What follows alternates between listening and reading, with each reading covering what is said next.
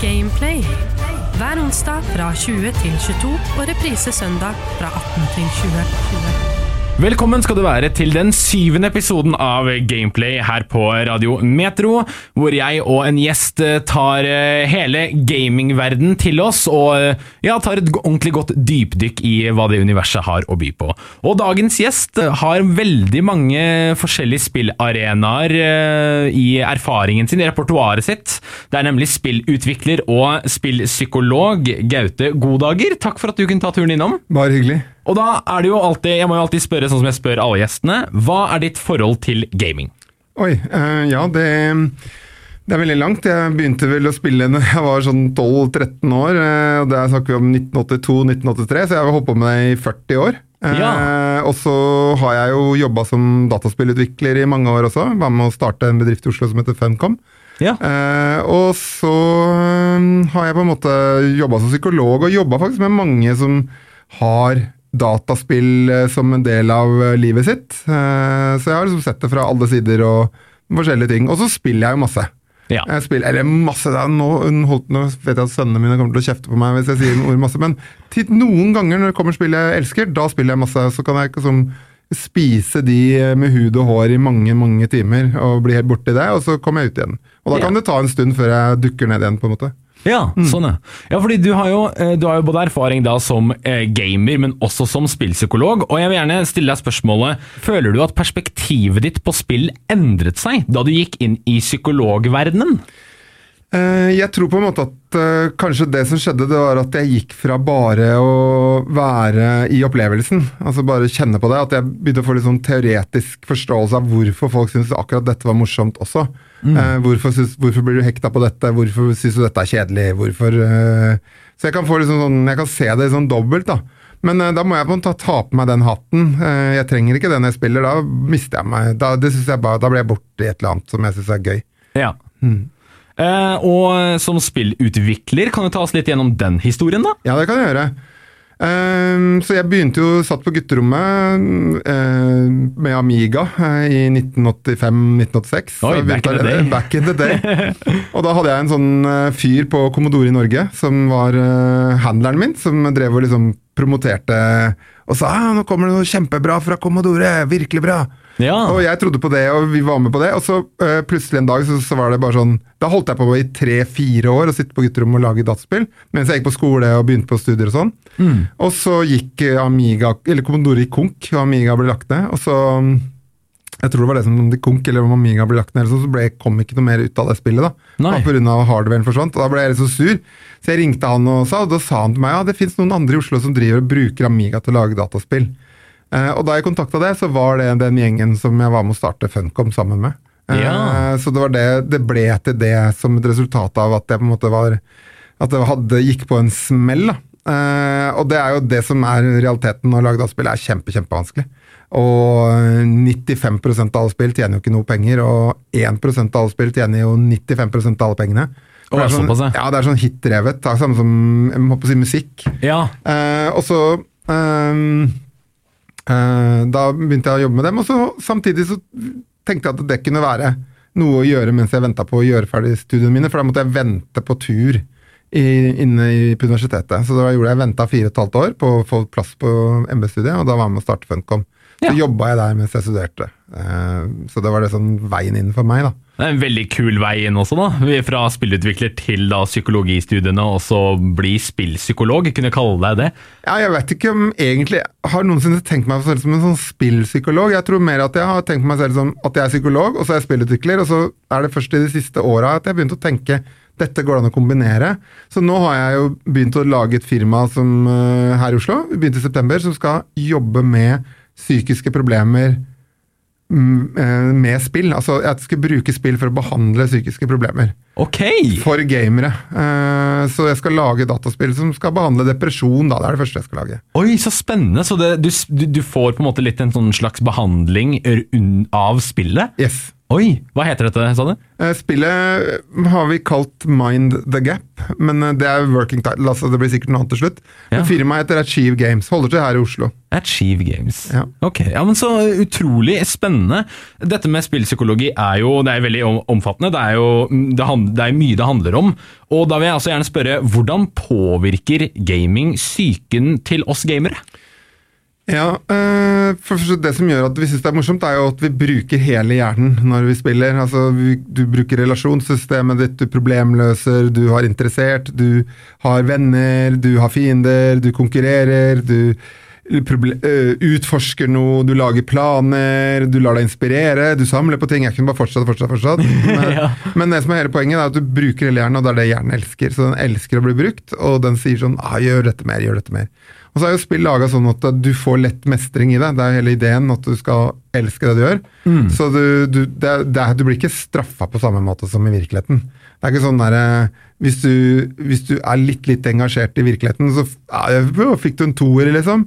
Eh, Men i spillet så er det sånn der, du kan bare ta, starte litt på det lille brettet igjen, og så blir du, du blir tatt med gjennom reisen. da, På en Ja. veldig varm måte. Respawn. Respawn, ja. Ja.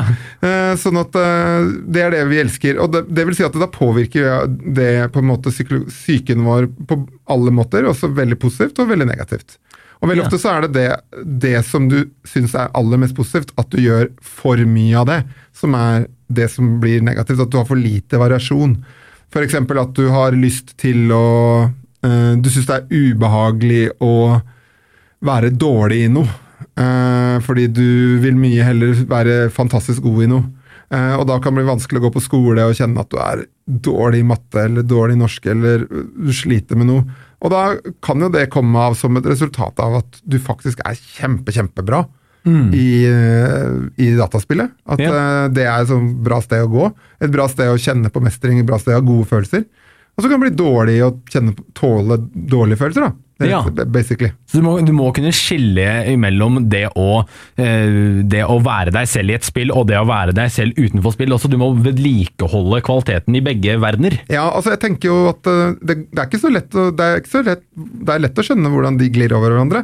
For det er jo, spillet er jo en ekte verden, det også. Der har du venner, og du samarbeider, og du har eh, kule opplevelser og sånn. Men du får ikke nødvendigvis god karakter i matte av det.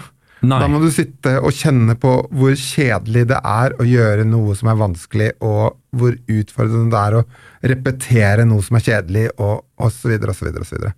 Og det er kanskje eh, det Det er ikke spillet i seg selv, fordi spillet i seg selv er på en måte har en verdi i seg selv. Eh, Men det er det at den går på bekostning av den tiden og det fokuset og det, det andre som du må gjøre for å leve et vanlig liv, da. Ja. At det blir vanskelig, på en måte. Det, det er mer det. Det er, ikke, det, er, det er ikke spillet, det er dosen. Ja, si det? ja, det er godt sagt, egentlig. Ja, Ja. Det er godt, godt oppsummert. Ja. Hva, men hva, hva slags positive virkninger kan spill ha, da? Ja, det kan jo øh, du, Alt du gjør, kan jo på en måte spilles, du kan jo lære veldig mye av det. Eh, og så vil jeg bare si at det, det å være underholdt i seg selv er viktig.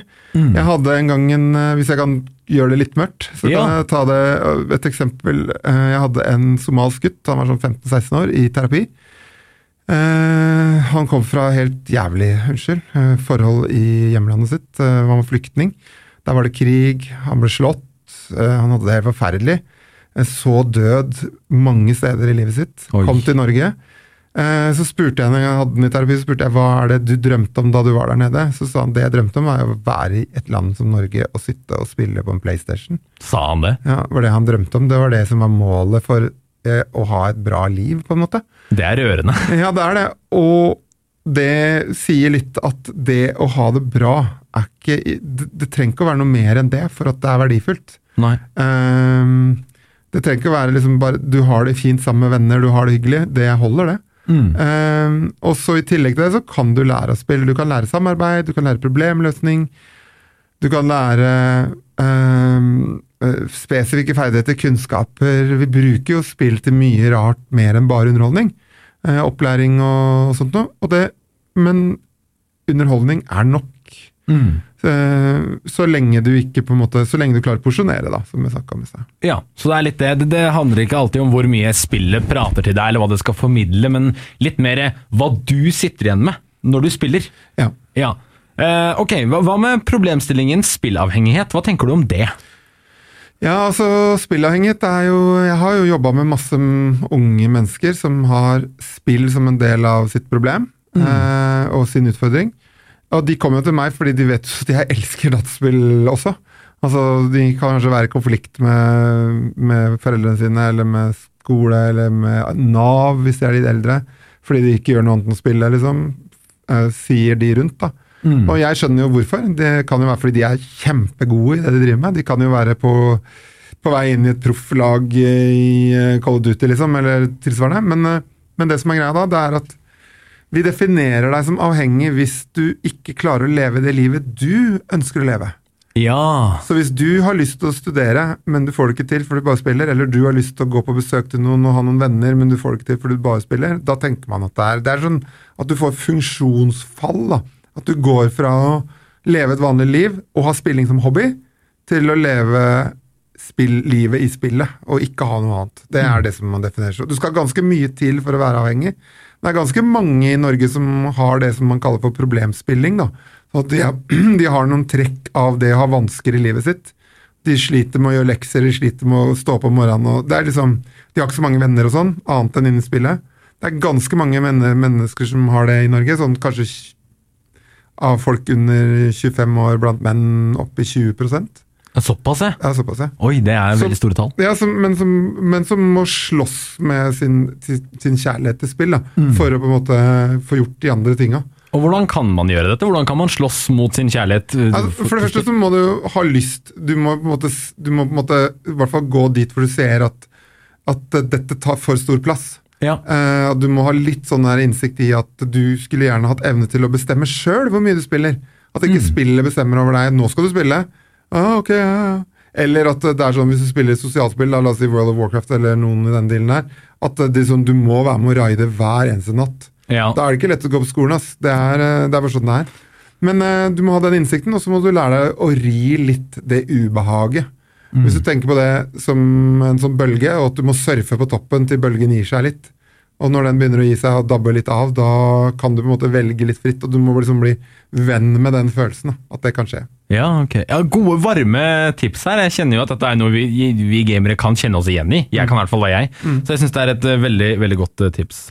Eh, takk for eh, gode ord og en god eh, tur innom din psykologiske verden. Takk. Vi kan ta en titt innom din spillfortid når vi går inn i første spalten på programmet, Playback. Her er ukas playback.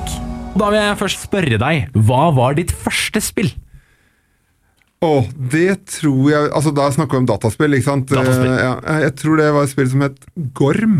Oi! Uh, på uh, Jeg tror det var det. Jeg er ikke helt sikker på om det var det navnet, men det var på VIC20. Det var den som kom var en PC som kom før Før Commodore 64, lagd av Commodore-folka. Ja. 1982.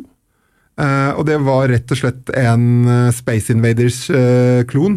Invaders er sånn, Du har det lille skipet på bunnen av skjermen, og så går det fram og tilbake, og så skyter du opp mot sånne der, eh, bølger eh, av små eh, motstandere som slipper bombe på deg. Ja. Du, du kjenner det, ikke sant? Mm. Så det var en klon av det. Det tror jeg var det første dataspillet jeg spilte. Og hvordan, hvordan grep dette her deg inn i spillverden? Var det der det startet, vil du si? Spillinteressen? Ja, det, det, det husker jeg som var det, det var et nivå av spenning og opplevelse som jeg aldri hadde vært borti før.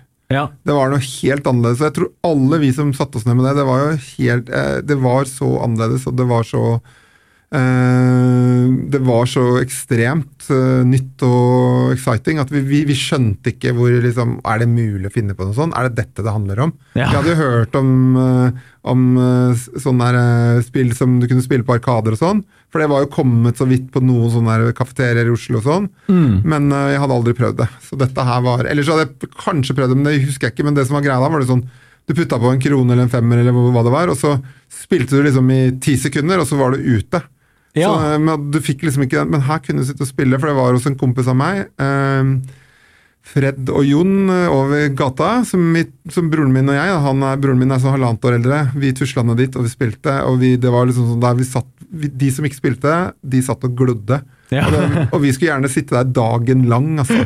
Så det var, eh, det var helt ekstremt. Det Det var må være, være en så kul opplevelse da når man er uh, ung på den tiden, Ja. og utforske denne verden. ja, også at det, ikke, det var jo på en måte ikke noe som folk hadde et forhold til. Nei. Eh, Så det var jo veldig rart, egentlig. Ja. Hva, hva vil du si, hvilket spill vil du si preget deg mye under oppveksten eller i voksen alder, som har satt litt spor i deg da, som person? Ja, øh, det er jo ganske mange. øh, men jeg tror øh, hvis, jeg, hvis jeg går tilbake så til øh, barndommen først, da, så kan jeg ta jeg prøve å være litt kjappere. for ellers så kunne jeg sitte og høre på memoar, med spillmemoaren min en time. Liksom. Men, øh, Ja. men det starta nok kanskje når jeg fikk en sånn opplevelse av noe som var helt ekstremt annerledes og unikt. Det var Elite på Commodore 64. Okay. 1985, kanskje. Ja. Eh, Det er et spill som handla om eh, å utforske planeter og drive med trading. Det har kommet inn nye versjoner nå, sånn Elite Dangerous og sånn. Eh, De siste ti åra eller noe sånt. Nå er det multiplayer og PVP og MMO-aktig. Eh, Men der var det sånn, bare sånne strektegna eh, skip som du skjøt på. Så reiste du mellom planeter og handla og prøvde å overleve. Og jakta på pirater, og så plutselig av og til så kunne du bli tra transportert idet du, i det- i det du hoppa inn i hyperspace og skulle ut av hyperspace, så kunne du havne i noe som het Thargoid Space, som var Oi. sånn der, der Plutselig ble du bare dratt ut, istedenfor å lande der, så landa du blant en sånn forferdelig fæle monstre som bare drepte deg med en gang. Og det var ut- utrolig gru... Du bare satt med sånn der sjokkblanda fryd, da. Oi. Så det var første gangen jeg liksom hadde den følelsen av å kunne reise inn et annet univers, en annen, eh, et, et annet sted, og på en måte en uendelighet da, som jeg kunne reise inn i. Det, det prega meg mye. Ja. Og så tror jeg det var et par sånne rollespill, og da er det vel Bard's Tale og Lords of Bard's Tale, ja, det er sånn Barstene, det husker jeg faktisk. ja, det er sånn at du uh, går inn i dungeons, og så, uh, så Men det er klassisk rollespill. Du går opp i level og set, assigner stats og får bedre utstyr og, Ja. og slåss og, sånn turn-based. Og så var det kanskje et spill som het Lords of Midnight, som var sånn uh, Alt dette her er på Commodore og Amiga, altså kjempe, kjempe mange år siden. Men så tror jeg det første spillet som virkelig fikk meg til å skjønne framtiden av spill, og det å forstå sosiale spill, det var nok EverQuest 1. Ja, å ja. Eh, Så det spilte jeg masse, og det var jo det som gjorde at vi skjønte på Funcom at vi skulle gå for å lage eh, sånn actionspill og eventyrspill og den slags type ting, til å lage masse multiplayer online-spill, altså MMO-er. Eh, fordi vi var jo veldig tidlig ute med det i, i Funcom. Vi kom med første MMO-et i eh, 2001, eh, Anarchy Online. Men eh, det var Everquest. Det, det har kanskje det spillet jeg tror jeg har spilt mest. Og den der, at det var den enorme sosiale opplevelsen, og det er utrolig vanskelig hvor vanskelig det var å regulere hvor mye tid du brukte på det. Ja. Fordi du var liksom sånn at uh, de andre kompisene dine drev med det, og uh, hvis, du var, hvis du var på en raid langt inn i en dimensjon, langt unna hjemmebasen din, og du ble drept, så mista du alt utstyret ditt, lå igjen på korpset ditt. Og så måtte du ha et, en ny red, eh, raid med masse andre folk for å få henta utstyret til det første raidet, liksom. Oi, sånn ja, ja, så det var, eh, det var, det var så ondskapsfullt laga. Altså. nådeløst. Det var helt det var, hard, det var hardcore, altså. Ja. Og så Da var det jo sånn der at da var det sånn Ok, vi begynte på raidet klokka 11, kanskje. Det var amerikanske servere. Så gikk det til pip klokka tre om natta. Og så satt du der til seks om morgenen for å få utstyret ditt. For hvis du venta mer enn det, så, så forsvant det. Hvis det gikk mer enn et døgn, så mista du utstyret ditt. Da fikk du aldri igjen. Det er, gamle MMO-er er så nådeløse. Ja, de er nazi. Ja, ja, ja. Ja, de er nazi. Det er skikkelig sånn Der er det Det er onde greier, altså. Det er eh, smakløst ord, men allikevel, det beskriver den følelsen du har av å bli styrt. ja, det, Eh, og det, den, eh, det var eh, fæle greier. Det, men allikevel et vidunderlig spill, og et spill som gjorde at samhold og fellesskap og det sosiale, som jeg opplever nesten alle bra spill i dag handler om. Det var det første spillet hvor jeg skjønte det. Og så det som jeg liker sånn mer moderne spill, er jo kanskje Eller vi kanskje skulle ikke inn i det.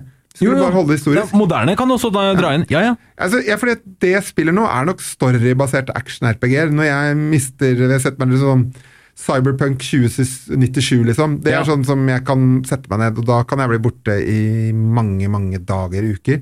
Og spille det, og liksom Hvis det er bra laga sånn som det Husker jeg satt og Håper ikke kona mi hører dette, men eh, det var liksom at jeg kunne liksom føle liksom, spillet var så bra så at jeg følte liksom jeg begynte å bli forelska i hun ene jenta jeg flørta med inni spillet, liksom. Oh, ja, ja. Han liksom, begynte å tenke på hva skal jeg si neste gang vi møtes. Og, Ja. altså, det, er, det, er liksom, det, det, det syns jeg er fantastisk. Og hvordan skal jeg utstyre meg, og hvor skal jeg gå, og hvor skal jeg oppgradere implantene mine. og og det, der, og, det, og det er så bra laga. Det var mange som hadde problemer med det teknisk, men jeg synes det var, og jeg elsker jo den settingen. Mm. Sånn cyberpunk og future, så det er jo rett, litt, litt sånn future sci-fi, da. Ja, neonlys og litt der, ja. Ja, ja, ja, Og det som jeg alltid elska, liksom, sånn, den type Blade Runner-aktig estetikk. da. Ja, det er kult. Um, og, eh, men eh, jeg, jeg syns det er veldig spennende. Og, så, og, da var det sånn der at eh, Det var en av de første spillene hvor jeg virkelig kjente at eh, storyen var så bra, og så bra integrert, at jeg ikke følte den slåss mot uh, character development. Altså den her, det å gå opp i level og sånn, som er jo, det kalles character development. For det er veldig også sånn der Åh, må jeg sitte og høre på nok en dialog? Åh, jeg- Ja. At du får den der slowdown-filen. Men her var det, skjedde ikke det.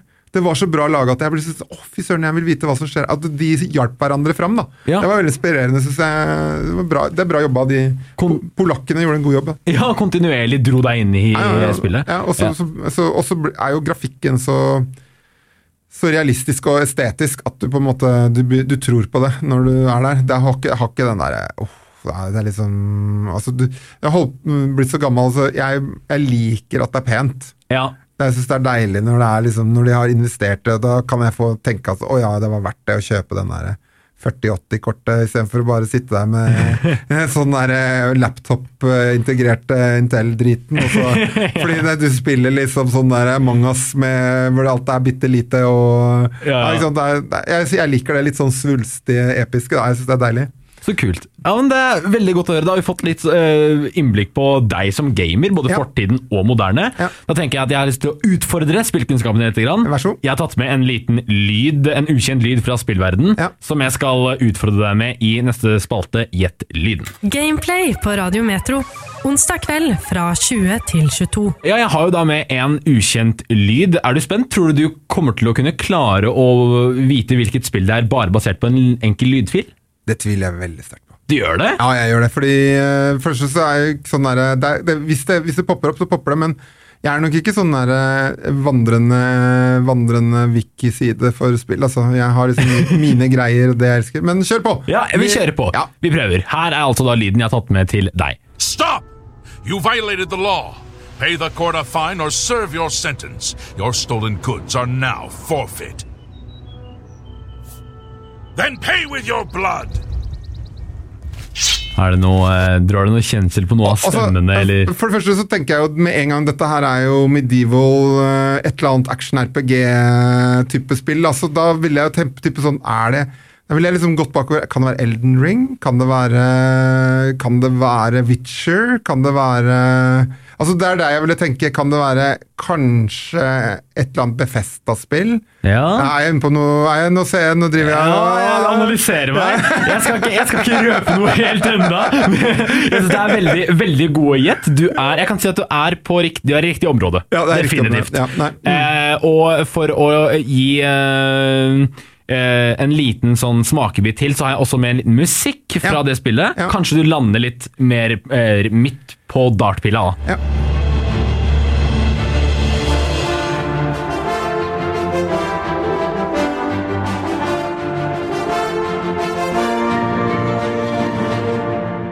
Kjenner du eh, ja, det kjenner jeg jo, men jeg husker ikke Det klarer jo ikke å matche det med Klarer ikke å plassere det? Ja, altså, eh, Nei, jeg tenker Oblivion eller noe. Nei, nei, nei, jeg gir opp, jeg, ass. Du, ja, du er Jeg kan si at du er på riktig Du nevnte Bethesda i stad. Ja, ja, ja. Du er jo på riktig spor. Ja. Eh, det er eh, Du kan få komme et spill som liksom blir ditt klare gjett.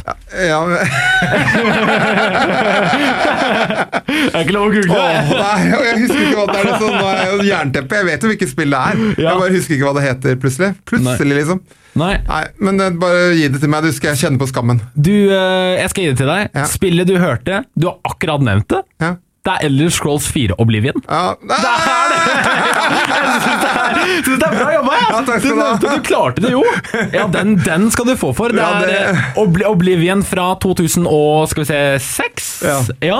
rundt der. Har du noe forbindelse med det Ja, er jo jeg selvfølgelig spilt. Det Ja, du er jo kjempe, kjempe, kjempebra. Ja, det er det. Og så er det noe med det å starte et spill som eh, eh, Er det ikke der du starter som uh, fange i fangehullet for Nei, det ble jeg litt så usikker. Men Ja, jo, det er det. Ja, Ja. og så, eh, men nei, det er kjempebra. Og det, også det som er kult med det, er også det at det har gått fra egentlig å være sånn one play-spill til å bli et community-spill. Fordi Ja. det er jo drevet av Det er jo mer mods og content laga av andre folk enn Befesta etter det er laga. Det er jo det som gjør at det lever fremdeles. Ja. Eh, så det er jo, det er jo kult da, å se at eh, spillerne tar spillet og lager noe fetere av det. Liksom det, det syns jeg, jeg er flott. eh, Rørende og det sier, litt om passion. Tenk om det var noen andre underholdninger som hadde den muligheten. her, Sånn der, jeg lager en film, og så bare fortsetter du å bygge videre på filmen. Og, nei, det det, er, det er fett, liksom. Det, Ja. det er veldig bra. Man har nesten det med fanfictions og sånn, hvor Ja, man ser liksom et, Det det. et samfunn som bygger opp under et produkt. Da. Ja, ja, ja. Oblivion er, er absolutt eh, tatt under den bølgen. Ja, men Veldig bra jobba. Vi har ja, nå testa det litt. Jeg skal ikke pine deg mer med det, disse lydene. Nei. Vi skal heller dele litt av vår spillerfaring med lytteren deg der hjemme, Mm. og eh, ja, gi våre anbefalinger innenfor spillverden. Er du klar? Yes. Gameplay på Radio Metro. Du fortalte meg Gaute, at du hadde med en, et par anbefalinger. Vil du starte med din første? Ja, altså, Jeg har jo nevnt den allerede, men jeg må liksom bare si det at uh, dere som har hørt mye negativt om Cyberpunk, dere må gi det en sjanse. Ja! Uh, og bare, bare spill gjerne på PC, uh, hvis du er PC-gamer. Eh, gå inn i det, gi det litt tid. Eh, så vil du få en fantastisk reise inn i en annen univers. Og eh, jeg syns jo det um, Eh, det er ikke like open world som uh, f.eks. Rockstar-spillene. Eh, det er litt mer sånn at du må på en måte du må, Det er en main story som du blir uh, piska inn i, men det er ikke så langt unna heller. Så hvis du liker Rockstar Games, så burde du Altså, eh, ja, da, så GT, Grand Theft Auto og, og Red Dead Redemption. Red Dead Redemption og sånn, da. Ja. Så ville jeg jo ha absolutt gitt dette her en, eh, en sjanse. ja. Eh, så det, det skal jeg bare anbefale litt. Så er det jo gode figurer også. Keanu Reeves er blant annet med Yes, i, eh, yes. og spiller en av rollene. Ja. Og så er det det eneste spillet som jeg sa hvor jeg ble, har blitt forelska, så det tror jeg er det som, det som henger igjen, da. Um, og så uh, tenkte jeg at jeg skulle faktisk uh, anbefale Red Dead også. Oh, ja, Eh, ja. Selv om det er litt sånn gammelspillet her. Jeg skulle gjerne dratt fram noe helt moderne. Jeg spurte sønnen min på 16 i går om eh, hva han skulle spille nå, og da sa han noe kult, så tenkte jeg det må jeg ta med, og så har jeg glemt Å ja! Nei, nå husker jeg det. Å, ja. Eh, og det var eh, et uh, Jeg tror det er sånn ganske indie, og så er det ganske stort, som heter uh, Sons of the Forest. Ja. og Han har fortalt veldig mye kult om det, og jeg har sett over skulderen hans og sett på det. Mm. Og det ser veldig gøy ut. Det er en sånn der blanding av horror survival. Mm. Og det, det er jo oppfølgeren til den The Forest, hvis ikke det var det den het, jo. Ja, Ja. Og så Um, men det ser, det ser veldig fett ut. Det helt, det er liksom brand new, liksom, så ta en titt på de. Da tror jeg jeg har kommet med tre anbefalinger. Hva syns du om det? Ja, jeg syns det er kjempebra. Ja. Ja, bra. Red Dead, eh, Da tenker du på det første også, som du også anbefalte her? Yes. Ja, Med John Morrison. Ja. Ja, men det, egentlig sånn uh, serien, altså, det syns jeg liker veldig godt. Mm, er den, det andre også. Ja, Redemption, Ja, Ja. ja men uh, veldig, veldig bra. Jeg har også med meg uh, en liten anbefaling, og vi skal litt tilbake i tid. For jeg skjønte at du har spilt en del eldre spill. Da tenkte jeg at Jeg er gammel, skal, ja, Jeg ville kalt erfart. ja, så da tar jeg faktisk frem et spill fra, tro det eller ei, 1976. Wow. Colossal Cave skal jeg ta frem, fordi det er et tekstbasert eventyrspill hvor du, eh, du utforsker en hule med rykter om skatter og gull. da. Og så er det kreative ting som er fylt inn i det spillet, hvor det kommer spennende og uforutsigbare hendelser som du må overkomme via tekst. Har du hørt om det? Jeg har spilt det. Du har spilt det? Ja, jeg tror jeg har runda det, faktisk. Har du det? Ja. Fordi det som er veldig gøy Go left, go left. Go...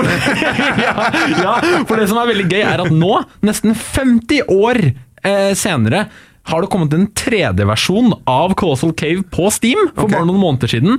Eh, laget av Roberta Williams, okay. som lagde Kings Quest-spillene. Nettopp.